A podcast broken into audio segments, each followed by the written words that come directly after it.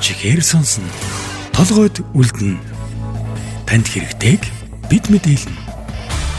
Игэл радио 91.1 Сайн байцгаана уу ихэм сонсогчдоо. Игэл радио 91.1-ийн эдийн засаг бизнесийн талаарх мэдээллийг хүргэдэг хідвээ нэвтрүүлгийн маань ээлжид нэгэн дугаар эхэлж байна. За Ер нь бол эдийн засгийн хувьд гээд аваад үзэх юм бол 10 дугаар сар 11 дугаар сар гэдэг бол манай эдийн засгийн идэвхжил буурдаг ийм сар, ийм мөчлөг бол ирээд байна гэж харж болохоор байна. За өнөөдөр би та бүхэндээ ипотекийн зээлтэй холбоотой зарим мэдээллийг хүргье гэж бодсон. За сүүлийн үед бас ипотекийн зээлтэй холбоотой асуудал олон нийтийн анхаарлын төвд байх шиг байна. Зарим хүмүүс ипотекийн зээл авах гэдэг одоо олон сар хүлээж байгаа. За мөн одоо цаашдаа ер нь ипотекийн зээлийг олох уу? Олгосон тохиолдолд хэн энэ ипотекийн зээлийн санхүүжилтийг гаргах вэ гэд энэ асуудлууд яригдж байна.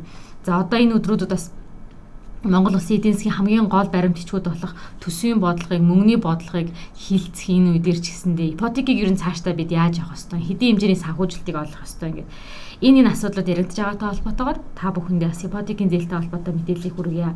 За мөн сүүлийн одоо жилүүдэд ялангуяа сүүлийн 3 жилийн хугацаанд ипотекийн зээлийн иргэн төлөлтийг ол засгийн газар хойшлуулад байгаа. Энийг улсын хурлаас шийдвэрлсэн. Одоо баг 3 дахь жилтэйгээ болж байна. За одоо 1 2 сарын дараагаас эхлээд бид хойшлуулсан иргэдийн хувьд бол зээлээ иргэн төлж илэх хугацаа артж байна. Тэгэхээр ипотек зээлс ипотек тойрсон энэ асуудлаараас та бүхэндээ мэдээлэл хүргэе гэж утсан. За 2020 оны 4-р сараас эхлээд бол Монгол улс ипотекийн зээлийн иргэн төлөлтийг хойшлуулсан. Үүнээс хойш бол 3 жил болж байгаа. За энэ хугацаанд бол 5 удаагийн иргэн төлөлтийг хойшлуулах ийм шийдвэр бол гаргасан. Хамгийн сүүлийн байдлаар бол энэ онд мөнгө зээл хойшлуулах шийдвэр гаргасан. За ойролцоогоор нэг 63 мянган айл өрх ипотекийн зээлдэгч бол эргэн төлөлтөд хойшлуулад одоогор бол эргэн төлөлт хийхгүй байгаа гэсэн ийм мэдээлэл бол байна. Өөрөөр хэлэх юм бол ипотекийн зээлтэй одоо 2 3 өрх тутмын 2 нь бол зээлээ хойшлуулах шийдвэр гаргаад байгаа. Тэгэхээр энэ зээлийн эргэн төлөлтөд бас олон айл өрх хамрагдаж байгаанаас эндээс харагдаж байна. За ипотекийн зээлийг 2020 оны 4-р сард бол анх хойшлуулах шийдвэр гаргаад эргэн төлөлтийг нь бол төр зогсоосон. За энэ үед бол ойролцоогоор нэг 38 мянган иргэн ипотекийн зээлдэгч бол зээлээ хойшлуулах шийдвэр гаргаж байсан. За одоо ингээд хойшлуулах шийдвэр явсаар хагаад энэ оны үед гээд 5 дахь удаагийн шийдвэрлэлтэн дээр бол 63 мянга болчиход байна. Тэгэхээр ипотекийн зээлийн эргэн төлөлтөд хойшлуулах хүсэлтэд иргэдийн тоо бол улам өссөн гэдг нь харагдаж байна. Өөрөөр хэлэх юм бол ихэнх үетэй харьцуулахад баг 2 дахин өсөд байгаа гэсэн ийм мэдээлэл бол байна. За энэ зээлийн тогтолцоо Монгол улсад хэрэгжиж эхэлснээс хойш ойролцоогоор 100 мянга гаруй айл өрх бол яг энэ ипотекийн зээл буюу энэ орон сууцны хөнгөлөлтөд зээлийн нөхцлөөр өөр ингэсэн байртай орон сууцтай болсон. Тэгэхээр энэ зээл бол өөрөө одоо Монголын эдийн засагт Монголын айл өрхүүдэд ямар их үүрэг гүйцэтгэсэн амьдралын чанарыг нь яаж дээслүүлсэн ямар үр дүнтэй хөтөлбөр байсан гэдэг нь бол харагдаж байгаа. А цаашдаа энэ хөтөлбөрийг одоо яах вэ гэдэг асуулт мэдээж ер нь бол уран гарч байгаа. За нийт одоо ипотекийн зээлтэй 100 мянга гаруй өрх байгаагийн 60% нь бол эргэн төлөлтөд хойшлуулсан. 40% нь бол ер нь бол эргэн төлөлтөд хийж байгаа хэвийн гэсэн ийм мэдээллийг бас Төв банкнаас бидэнд өгж байсан. За 5 дахь удаагийн буюу энэ оны 4-р сард мөн одоо засгийн газар шийдвэр гаргаад улсын хурлаар баталгаажуулаад ипотекийн зээлийн эргэн төлөлтийг хойшлуулсан. За энэ түрүү хэлсэнчлэн энд нэг 63 мянган айл өрх хамрагдаад байгаа гэд энэ айл өрх ойролцоогоор ер нь бол нэг 195 тэрбум төгрөгийн эргэн төлөлтөө хойшлуулсан. Энэ хугацаанд бол ийм одоо хэмжээний мөнгийг зээлийг төлөх ёстой байсан. Энийг төлөхгүйгээр өөрийн гар дээр авч үлдээд байгаа гэсэн ийм мэдээлэл бол байна. За ер нь эргэн төлөлтөд хойшлуулж байгаа иргэдийг хараад үзэнгүү дийлийнх нь бол 90% нь бол одоо голлох орлого нь бол цалингийн орлоготой юм айл өрхүүд өөрөлдөх юм бол дундаж амьдралтай цалингийн орлоготой. Өөр одоо бусад төрлийн орлого бас багтаа. Ийм айл өрхүүд бол дийлэгтэй ипотекийн зээлээ хойшлуулж байгаа гэсэн ийм мэдээлэл. За мэдээж цар тахлын байдалтай холбоотойгоор иргэдийн орлого багассан За зарим айл өрхүүд иргэдийн хувьд юм бол одоо ажиллаа хийх боломжгүй болсон, худалдаа эрхлэл зогссон, үйлсхийний байгууллага зогссон. За нөгөө тал үнийн өсөлт маш их хэмжээр ирсэнтэй холбоотойгоор ер нь бас ипотекийн зээлийн эргэн төлөлтийн асуудал их саруудад бас иргэдийн толгойн өвчин байх нь бол одоо ойлгомжтой байна.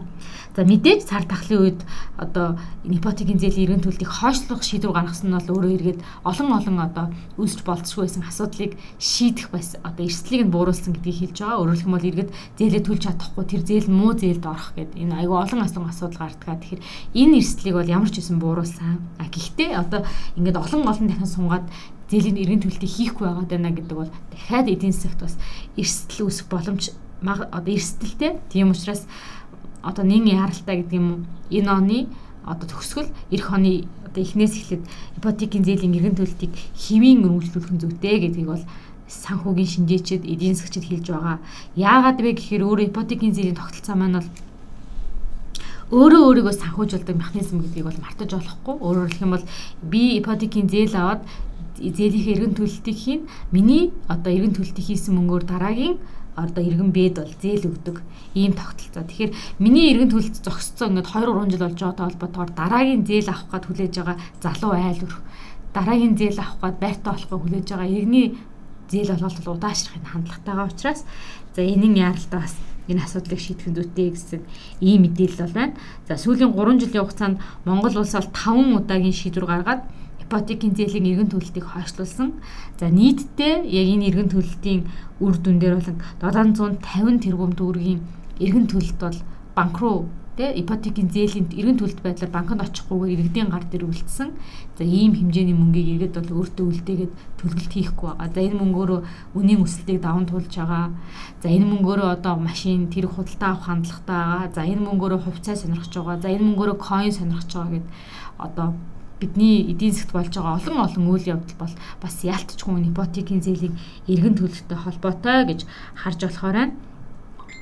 За Монгол улсад бол ипотекийн зээлийн зээл одоо олгох дээд хязгаар нь бол нэг 100 сая төгрөгөөр хэмжигддэг. За нэг ийм одоо үзүүлэлтүүд бас байгаа хэлхэн зүйтэй юм аа. За мөн сүүлийн үед гарч байгаа бас нэг сонирхолтой үзэгдэл гэх юм бол олон улсад үн өсөж байгаа. Ер нь бол нөгөө олон улсын төв банкуд бодлогын хөв өсөж байгаа. За бодлогын хөвийн өсөлтийг дагаад зээлийн хүү дагаж өсдөгөө.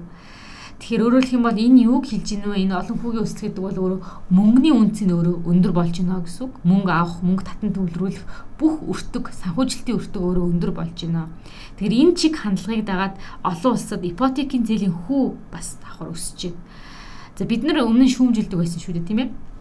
Монгол улс бол ипотекийн зээлийн аяг өндөр хүүтэй 7% хүүтэй. Энэ бол Японтой харьцуулахад Америктэй харьцуулахад өндрөө гэдэг шүүмжилдэг байсан. За сүүлийн 2 3 жилийн хугацаанд энэ зээлийн өртөг өөрөө өсөж ялангуяа сүүлийн 1 жилийн хугацаанд энэ зээлийн хүү өөрөө эргээд өсөж эхэлж байгаатай холбоотойгоор түүнийг дагаад нөгөө мөнгөний өөрийнх нь өртөг үнц нь өсөж байгаатай холбоотойгоор түүнийг дагаад ипотекийн зээлийн хүү бас өсөж байна. За Монгол улсын хувьд бол та бүхэн санаж байгаа.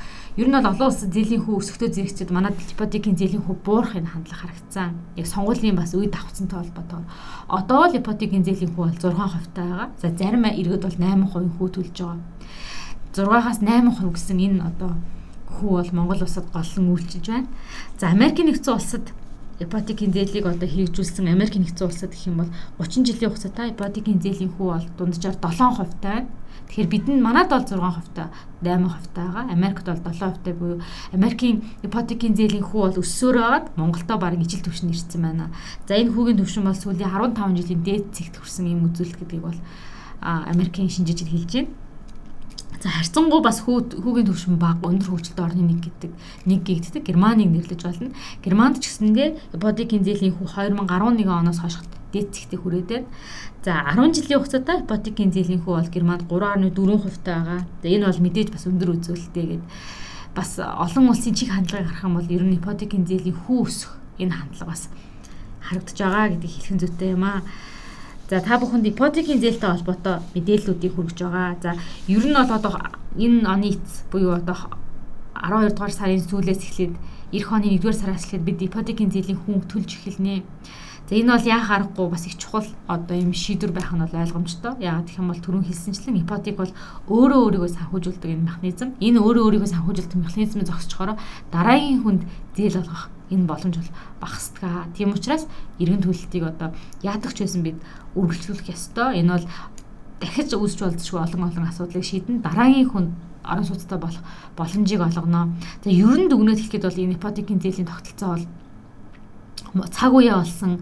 Монголын нийгэмчдэр, эдийн засгчдэр одоо чухал үүрэгтэй энэ тогтолцоо юу гэвэл тийм. За олон улсад бол энэ тогтолцоо аль болох санхүүгийн утгаараа хэрэгждэг. Ипотекийн зээлийн тогтолцоо бол өөр санхүүжийн, санхүүгийн зах зээл, санхүүгийн систем гэдэг байдлаар хэрэгждэг. Тийм учраас маш нарийн тооцоотоо ийм үйл ажиллагаанууд шийдвэрүүд ипотекийн зээлтэй холбоотойгоор гардаг. За Монгол улсад энэ сүүлийн үед гарч байгаа шийдвэрүүдийг харангууд бас ипотекийн зээлийг хэд хавтгааруулах, аль эсвэл ийм нийгмийн халамж байдлаар явуулах, улс төрийн амлалт байдлаар явуулах энэ хандлага харагдаж байна. Тэгэхээр энэ бол өөрөө санхүүгийн тогтолцоо, санхүүгийн систем гэдгийг бол мартаж болохгүй.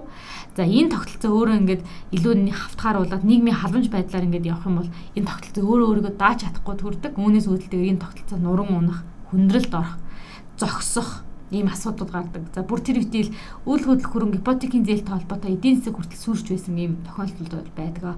2000 одоо 8 оны эдийн засгийн хямралын нэг үндсэн шалтгаан бол ипотекийн зээл байсан гэдгийг мартаж болохгүй.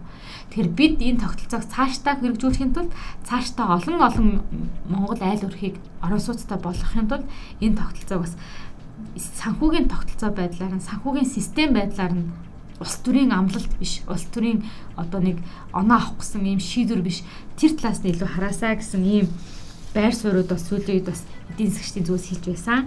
За ингээд бидэнд бас их хамаатай сэдвийн нэг болох Монгол айл олон олон айл өрхүүдэд хамаатай монголчуудын бас одоо амжиргаагаа дээшлүүлэх Монголын нийгэм эдийн засагт нэг чухал хэрэгтэй ийм санхүүгийн систем болох ипотекийн зээлтэй холбоотой мэдээллийг үзэгч та бүхэнд хүргэлээ. Хамт байсанд баярлалаа.